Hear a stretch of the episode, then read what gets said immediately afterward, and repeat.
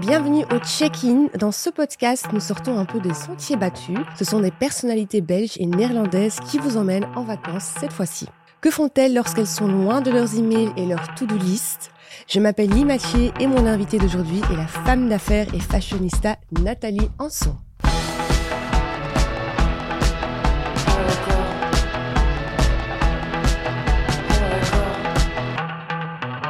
Bonjour Lima. Bonjour. Elle est styliste des stars, chargée de communication dans une multinationale et rédactrice de divers magazines de mode belge. Nathalie Anson est une touche à tout et prend aussi parfois le temps de partir en vacances avec sa famille. Oui, heureusement. Bienvenue Nathalie. Merci Lima. Où es-tu partie en vacances pour la dernière fois? Euh, C'était il y a quatre mois pour les fêtes. On est parti au Maroc en famille, enfin en famille, en petite famille avec notre fille. Et mhm. c'était euh, des paysans parce qu'en fait, maintenant, ça fait deux ans qu'on prend l'habitude de partir pendant les fêtes se ressourcer au soleil. Ouais. Donc, euh, ça nous fait un grand bien et c'est devenu un peu une tradition. Et vous êtes parti où ça exactement? À Essaouira. Essaouira. Il paraît que c'est magnifique. Jamais été. Mais... très joli. Et alors, c'est très différent de Marrakech qui est beaucoup plus vivant, je dirais, et plus euh, chargé peut-être en foule. Mais euh, là, euh, voilà, on était en plus dans une réserve naturelle, donc très relaxant parce qu'on en avait grand besoin en fin d'année. Génial. Et qu'est-ce que ça signifie pour toi, les vacances? Alors, en toute franchise, les vacances, c'est ne rien faire du tout, même pas son lit. Euh, parce que la charge en dehors bah voilà, de nos mmh tâches, euh, de notre job, il y a toutes ces charges euh, mentales de maman, d'épouse, mais même pour le mari. Hein. Et je trouve qu'effectivement, pouvoir vraiment se décharger de tout complètement, ça te permet d'avoir la tête libre complètement. Et, et, voilà, de penser à rien d'autre que à toi et, donc forcément bah, te recharger les batteries, quoi. Et ta famille en général est composée de combien de personnes? Combien d'enfants? Alors, euh, je suis maman d'une adolescente de 12 ans et mhm. belle-maman d'un adolescent de 17 ans. Donc là, euh, c'est quand vous partez en vacances Alors, quand on part en vacances, il faut qu'on mhm. s'organise parce que forcément, comme on est une famille recomposée, euh, c'est un peu différent. Donc, il y a d'office deux vacances minimum, une tous en famille. C'est chouette ça, ouais. Donc à 4 et euh, une, euh, bah, c'est souvent euh, pour les fêtes, à 3. À 3. Ouais. Cool. Et quand commences-tu à décompter les jours une fois que tes vacances sont réservées? Alors, vu que je les réserve très last minute, ah je suis pas la grande prévoyante euh, en général pour les vacances. Parce qu'en fait les semaines passent et puis on se dit euh, oui là il faut qu'on le fasse il faut qu'on le fasse. Mhm. et donc on se retrouve toujours à réserver je dirais euh, je crois que notre meilleur challenge ça a été trois mois à l'avance. Ça a été la, plus grande date mais sinon en général un mois avant. Et donc je décompte le jour où je fais mon booking à partir de ce moment-là. Donc, ça fait un mois. Et il y a une raison spécifique pourquoi vous aimez booker vraiment des last minutes ou? Mais parce que en fait, euh, c'est un peu, euh, c'est notre mode de vie, quoi. Euh. il paraît que c'est les gens positifs hein, qui font tout un peu comme ça dernière minute. Ouais, ouais, Donc, je pense qu'on est vraiment très, très, très positif. Vu qu'on s'y prend dernière minute, mais non, c'est comme ça, ça se met comme ça. Oui, si ça fonctionne, pourquoi oui, pas ça fonctionne bien. Après, voilà, on n'est que trois ou quatre. Donc, c'est en général facile. Et puis, tu peux, euh, du coup, bénéficier de, de plein de last minutes euh, qui sont souvent intéressants, quoi. Ok, cool, bon à savoir. On a l'habitude de dire qu'on peut tout acheter sur place, mais quand portes-tu toujours dans ta valise? Alors, euh, d'office, il y aura mon téléphone. L'indispensable. On est bien d'accord. Avec le chargeur, faut pas. Ah oui, oui. Et euh, bah, la brosse à dents, produit d'hygiène, quoi. Ça, c'est. Euh, ouais. Ouais. Ça, je, je, ne sais pas. Je n'aime pas. Euh, j'aime bien avoir mes petites habitudes. J'aime bien que la famille ait ses petites habitudes. Et donc, les produits d'hygiène, c'est ce qui sera d'office dans la valise. La base. Ouais. Ok. Tu pars souvent dans l'inclusif. Oui. Où as-tu vécu ta meilleure expérience? Alors, euh, en all-in, je pense, alors ça date, hein, parce que c'était euh, il y a plus de 15 ans, mhm. mais c'était aussi parce que ça faisait partie de mes premiers voyages. Et c'était au Mexique. Donc c'était assez assez bien encadré. J'ai vraiment vraiment bien aimé ce all inclusive, mais en fait, je pense que les meilleurs, comme on s'y prend un peu last minute, c'est souvent les régions Turquie, Égypte, parce que voilà, si tu veux ne rien faire mmh et tu vis vraiment dans un super lieu avec voilà de la bonne nourriture et t'es tranquille en fait. Donc en général en all-in, tout ce qui est voilà, oui, la Méditerranée, c'est très bien. Et entre nous au buffet, tu es plutôt tendance à te servir trop ou trop peu Alors, diète ou pas en vacances? Moi toute seule, parce qu'en fait avec mon mari on fait un super équilibre. C'est-à-dire que moi je prends pas beaucoup, mhm. mais lui il prend beaucoup. Et tu termines son assiette Non, je termine pas. Il arrive encore à terminer mon assiette, figure-toi. Ah ouais. Cool. Ouais, ouais. Donc euh, moi en général je fais grand max deux passages. Un premier et puis le deuxième pour la petite partie sucrée. Ok. Ouais. Hmm, bon à savoir. Tes looks sont toujours impeccables. Ah, merci. Est-ce que tu fais des exceptions en vacances ou pas? Alors, euh, non. allez, non, je vais être honnête. Franchement, j'essaie de faire attention, surtout, tu vois, le soir, quand il y a une soirée, je trouve ça quand même plus chouette bah, d'avoir quand même de, de jolies tenues. Maintenant, en journée, j'y réfléchis pas trop parce que de toute façon, je traîne quand même en, bikini ou en maillot. Euh. Mmh Donc peut-être que je vais plus travailler ça pour le soir, mais sinon, euh, non, je vais peut-être pas être au top du top. En journée. en journée. Mais non, tu es en mode chill, quoi, vacances. oui, c'est ça. Euh, non, tu as bien raison. Comment fais-tu pour voyager léger tout en restant soigné? Mais je crois qu'en fait, l'idée, c'est vraiment que tu prennes un maximum de basiques. Tu vois, un débardeur blanc, ça reste un débardeur blanc, que tu le mhm. mettes un jour ou trois jours. Euh. et, euh, et puis alors deux, trois pièces bien fortes et tu mélanges tout. Et du coup, euh, ça te permet vraiment de prendre... tu as l'impression que tu as plein de tenues. Oui. Mais en fait, voilà, tu as roulé plus ou moins avec les mêmes. De bons basiques, quoi. Oui. Ouais. Et quelle est ta ville préférée pour voyager? Euh, Alors, si on parle de petits trips, genre city trip, mhm. euh, je dirais Florence ou Rome. Alors, Rome, j'aimais pas du tout au départ. Euh, j'avais un mauvais souvenir, sûrement mal accompagné un jour. Oui, oui, ça fait tout. Et puis, je suis tombée amoureuse l'année passée de cette ville. Elle est vraiment incroyable. Donc, Florence, on y va deux, trois fois par an. Oui. Et euh, bah, Rome, à mon avis, va remplacer, parce que c'est vrai que quand tu connais très bien une ville, bah, autant, euh, autant en découvrir plus une autre. Et euh, ouais, j'aime beaucoup. L'Italie. J'adore aussi. Et quels sont les critères auxquels un logement doit absolument répondre pour toi?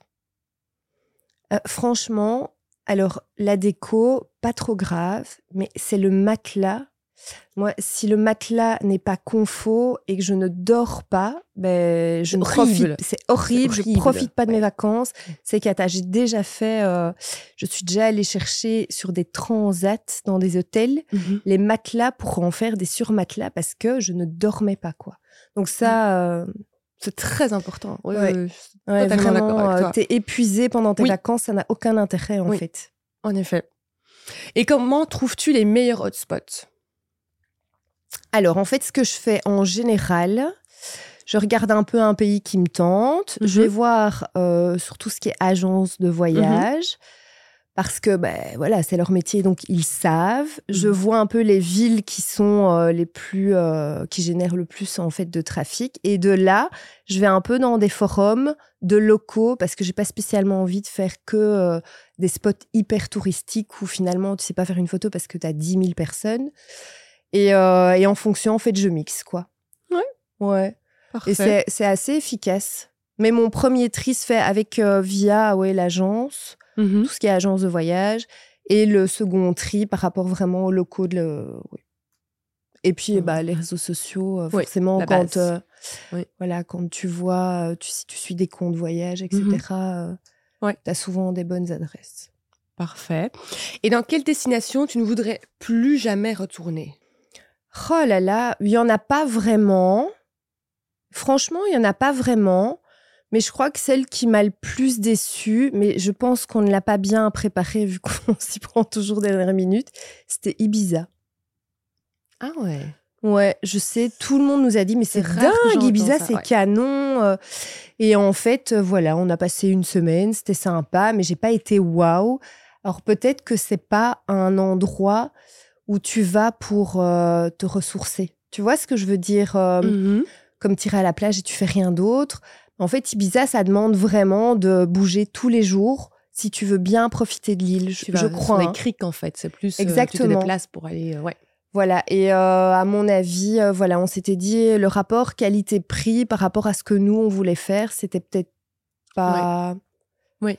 Mais euh, voilà, oui, chacun ça va pas être ma première destination à refaire, quoi.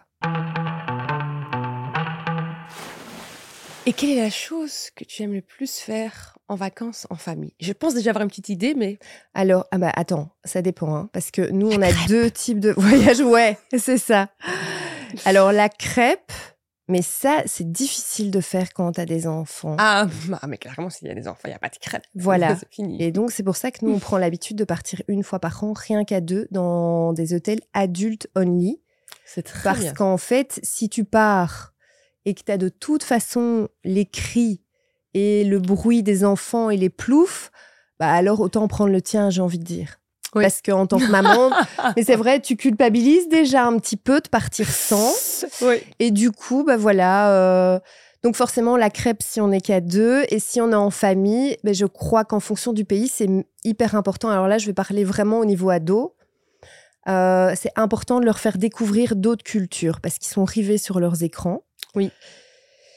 Et euh, bah, pour les décrocher, il faut qu'on trouve des subtilités pour les faire sortir de là mais leur trouver des trucs, tu vois, ludiques, un peu euh, tendance et qui mhm. vont les intéresser. Donc ça, c'est pas toujours évident, mais euh, mhm. mais il faut qu'ils découvrent la culture où tu vas. C'est, enfin, voilà, le voyage, euh, c'est ton meilleur apprentissage de vie, quoi. Clairement. Tu fais aussi souvent des road trips.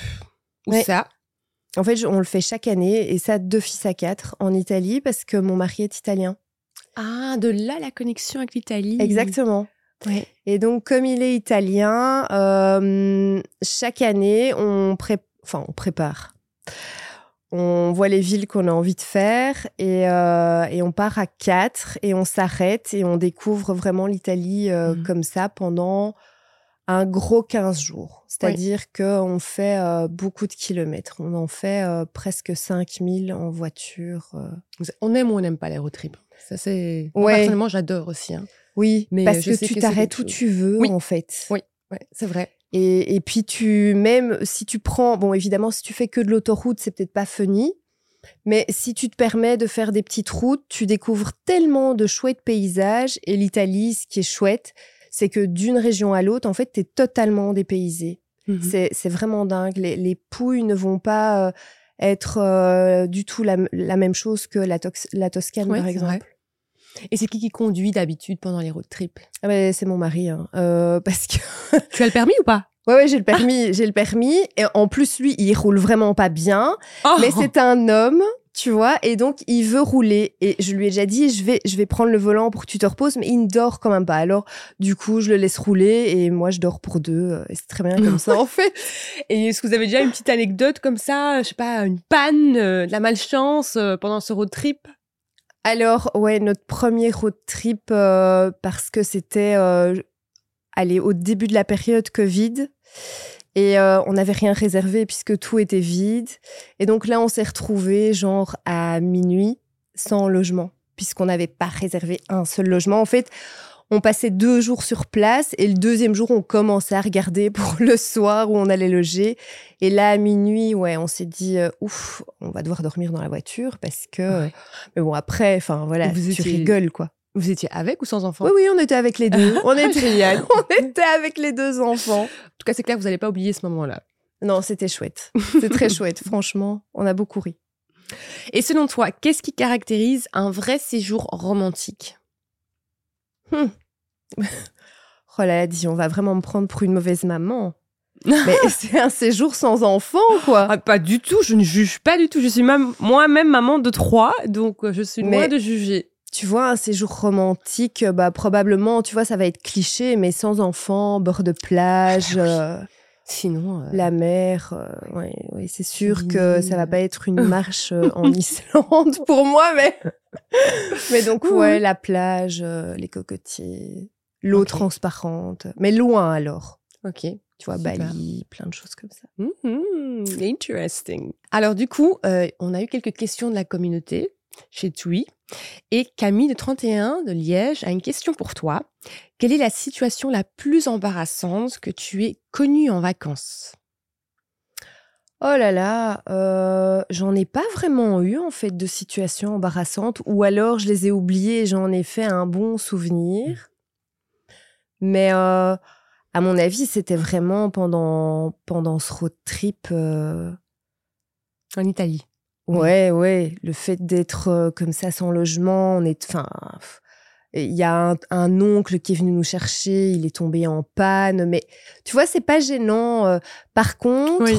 Là où ça a été très compliqué, donc pas gênant, mais vraiment euh, une situation euh, assez euh, tendue, c'est quand on est parti en Afrique du Sud. Mhm. On a des amis qui vivent à, à Cape Oui. Town et ils nous avaient conseillé la plage des pingouins pour vraiment être à côté des pingouins, quoi. Ils nagent dans tes jambes et tout. Et elle m'avait dit, mais tu regardes bien la marée, l'heure de la marée. Et bien sûr, j'ai regardé et je me dis, bah, ça va, on est deux heures avant, on a le temps. Sauf qu'en fait, la marée est bien montée. On n'a pas retrouvé le chemin parce que tu devais vraiment faire un peu de passer dans des grottes, etc. Et donc, les grottes étaient inondées, à savoir que mon mari ne sait pas nager. Et donc, j'ai géré ma fille sur mon dos parce que tu as pas mal de remous Ouais. avec la marée, euh, les sacs et euh, bah, en même temps, euh, je devais regarder bah, voilà, papa. pour que, ouais, voilà, le papa. quoi. Donc là, euh, je me suis retrouvée avec un, genou bien blessé et euh, mais de nouveau, tu vois, une, euh, un Ouais. bon souvenir. quoi. Alors ici, j'ai des petites cartes check-in de chez TUI. C'est histoire de se décompresser quand on est en vacances. On dépose son téléphone, on l'oublie, on essaie de passer un bon moment. Donc voilà, je vais te laisser prendre quelques petites cartes. D'accord. Tu peux me les Je donner. les prends au hasard Oui. et alors je te les donne. Oui. Hop. Merci. Alors, première question. Quel est le plus beau coucher de soleil que tu aies jamais vu? Mais en fait, est-ce que tu sais que tous les couchers de soleil, ça reste le même soleil Écoute, c'est une question et tu as répondu. Voilà. C'est parfait. Non, mais je pense, euh, tu vois, du coup, tu l'associes à ton plus beau voyage, je crois, et c'est certainement en Afrique du Sud. Il y en a quand même qui font plus d'effet que d'autres. Soyons Oui. honnêtes. Allez, oui, bah oui, bien sûr. C'est Voilà. sûr qu'il est différent euh, de celui de la mer du Nord. Oui, On est voilà, d'accord. Par exemple. Allez, une deuxième. Es-tu déjà retourné dans une destination où tu allais en vacances pendant ton enfance? Euh, non, jamais, mais parce que aussi, c'était pas du tout les mêmes vacances avec mes parents. Avec mes parents, on partait en voiture, on allait dans un appartement. euh, Enfin voilà, c'était tout. Enfin, c'était complètement différent, Différent. que ici, euh, à part notre road trip, on part toujours en avion et euh, Ouais. ouais, en all-in quoi, par facilité. Ok. Encore? Yes, on va en faire quelques-unes, donc tu peux. D'accord. Je te dirai quand tu Ah, vas ok, arrêter. ça va. Ouais. Pardon. Quelles vacances ont mis à mal ton portefeuille? Ah ben l'Afrique du Sud. Mais alors là, sans hésitation, parce que nous avons eu le Covid sur place et donc on a, Oh, on a dû prolonger notre euh, séjour, bah, à nos frais forcément, Ah oui. de 10 jours. Mais après, c'était top. Hein. Ah bah oui, c'est pas une punition de devoir rester là-bas plus Écoute, longtemps, mais c'est préféré juste que faire oui, ma quarantaine là-bas que ici. je comprends. Consultes-tu tes emails professionnels en vacances? Non, pas trop. Non, franchement, pas trop. Bah, comme ça, de temps en temps, mais sans plus. Non, Sans plus. attends. pff, Sinon, alors tu pars pas, quoi. Oui, je suis totalement d'accord, mais c'est parfois c'est dur. Il y a des personnes Oui, qui ont plus de mal.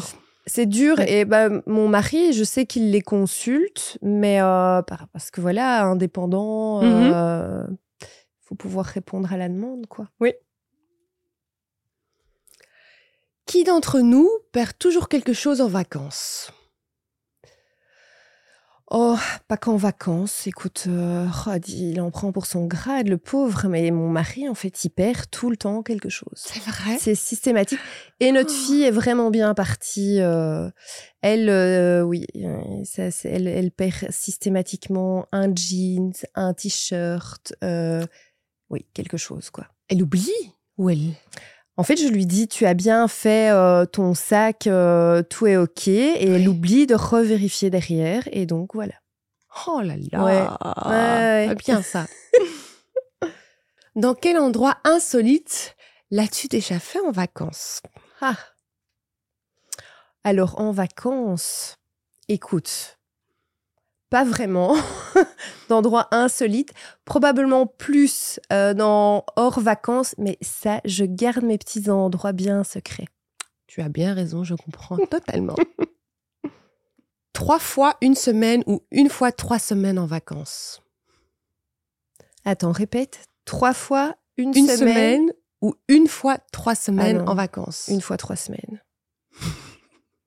une fois trois semaines. bon, si on peut avoir trois fois trois semaines, ça c'est ça. I agree. Qui d'entre nous a déjà réservé un transat en y plaçant sa serviette de plage? Mais écoute, moi j'ai déjà fait. Hein. Même si ça, ça m'agace vraiment. Mais je pense que tout le monde l'a déjà. En fait, à un moment, quand tu vois que de toute façon, t'en as qui se lèvent à 6 heures du matin, oh, bah, tu te dis, euh, voilà, bah, je le fais aussi, quoi. En fait, tu suis le mouvement. Tu les vois de ton balcon déjà. Ah, c'est ouais. insupportable. Je connais ça. Oui. Insupportable. Donc, euh, en fait, si c'est pas dans la coutume, euh, voilà, du, de, entre guillemets, de l'hôtel, je le fais pas.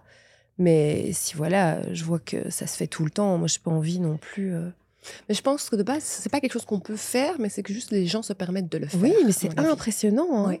Oui, oui, c'est assez dingue, alors qu'en général, il y a de la place pour tout le monde. Mais bon, c'est vrai que quand tu pars en famille, tu n'as pas envie d'avoir un enfant à gauche, l'autre à droite. Mhm. et, donc, c'est un peu dommage, quoi. Donc, je, je peux comprendre, mais euh, voilà, c'est comme ça. C'est devenu une coutume. Hein. Oui. Mais je sais qu'il y a des hôtels maintenant qui impliquent la règle que, voilà, à partir du moment où tu n'es plus ou plus personne de la famille qui est là et à la piscine, on enlève les essuies. Oui, parce Comme ça, d'autres peuvent venir. Voilà. Parce que parfois, on bloque les essuies pendant des heures et des heures et tu des pars en visite et pour, tout ça pour la demi-heure quand tu reviens, c'est pas très cool. Voilà. Alors, mer ou piscine? À piscine. Ah, mais tu es la deuxième aujourd'hui qui me dit piscine. C'est vrai? Ah oui, ah non, mais j'aime trop la piscine. C'est vrai? Ouais. Et les raisons? Ben Parce qu'il n'y a pas de méduses. mais il n'y a pas toujours des méduses dans l'eau. Non, mais ça, j'ai. T'as peur des requins? Non, parce que tu vois, par contre, j'adore faire de la plongée.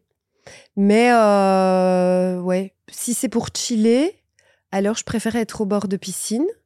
Mais si euh, effectivement c'est pour aller plonger, mais de nouveau, tu vois, je suis toute seule à plonger, donc euh, donc voilà. Donc tu n'as pas besoin de la mer quand tu pars en vacances? Non, en fait. Waouh. Hein? J'ai besoin du soleil surtout. Ah ben, je vais direct te poser la question. Quels sont les ingrédients parfaits pour toi pour avoir le voyage de tes rêves? Parfait. Écoute, euh, soleil, euh, piscine. Piscine et service. Ouais. Tu vois? Où tu fais vraiment rien, quoi. Euh, sauf te lever, chercher à boire, chercher à manger et euh, où tu es tranquille, tu lis ton petit livre, tu, tu vis. Euh, tu profites. des vraies vacances. Dolce far niente. Ah, Parfait. On en refait encore une dernière. As-tu honte d'emporter ta propre nourriture et tes boissons en vacances? Mais je fais pas ça, dit. Mais, mais non, mais pourquoi tu veux prendre ta propre nourriture et tes boissons? Euh, ah, je sais pas. Il y en a qui C'est une question que je te pose. Bah. je, rougis un peu, mais. Pourquoi tu fais? Non, non, moi je ramène ma menthe fraîche avec. Partout où je vais et ma théière. Parce ah, que j'ai besoin de, c'est un besoin vital pour moi d'avoir monté à la menthe, mais, mais je, et parce que je suis allergique, bon, je, suis intolérante au gluten, donc ça m'arrive de ramener ma propre. Oui, mais alors là, c'est complètement différent. mais euh, à moins, effectivement, à moins que tu aies des allergies ou, euh, non, mais, je, euh, je, me vois mal revenir avec mon paquet de pâtes en Italie, quoi. Je sais pas, c'est parce que c'est ça le but, c'est aussi de de déconnecter. Mais c'est vrai que si tu as des allergies, mais nous, c'est pas notre cas. Donc forcément, c'est pour ça que je me suis dit, tiens, qui fait ça? Bah, Lima. Lima. Génial, parfait, super. Alors, avant de clôturer tout ça, j'ai encore deux petites questions euh, pour toi. Quel est ton meilleur conseil de voyage que tu puisses nous donner? Euh, Quand on part, bah, à mon avis, enfin, alors c'est peut-être obsessionnel, mais par mesure de sécurité, moi, ce que je fais, je mets toujours dans mon bagage cabine euh, une partie de maillot et une partie de lingerie, un t-shirt et un short, au cas où ma valise doit arriver après. Parce que je, je sais que nous, on est déjà partis et euh, au moment d'aller récupérer le bagage, on a oublié, en fait, tout simplement, d'aller le récupérer. Et donc, forcément, tu ne sais pas revenir sur tes pas pour aller le rechercher. Et donc, euh, voilà, depuis, euh, je mets toujours dans mon petit bagage cabine. Deux, trois petites choses. Les pièces aussi, oui, un peu plus de valeur. Tu as bien raison. Quelle destination figure sur ta wishlist en ce moment? La number one. La number one? Oh, ce sera sûrement euh, la Thaïlande, même si là, on réfléchit pour euh, les vacances euh, d'hiver. Et je pense qu'on devrait partir vers la Colombie. Waouh, j'ai déjà été. C'est vrai? Et il ça a l'air magnifique, en fait. Et on aime bien des destinations un peu différentes. Et la Colombie, on n'entend pas encore beaucoup. Mmh trop de tourisme là-dessus. Et c'est vrai que. c'est incroyable. Oui, mais j'ai une amie qui y vit et donc euh, quand je vois, ouais, ça a l'air dingue. Les paysages. Ça, ce sera quelque chose que tu te rappelleras à vie. C'est vrai? Ouais. bah voilà. Alors bon, bah tu m'as convaincue. Ben, merci beaucoup, Nathalie plaisir. Merci pour ce petit passage. Ce fut un plaisir. C'était trop chouette. C'était Check-in, un podcast de TUI. Vous avez fait le plein d'inspiration et si vous aussi, vous voulez faire un beau voyage, rendez-vous sur tui.be.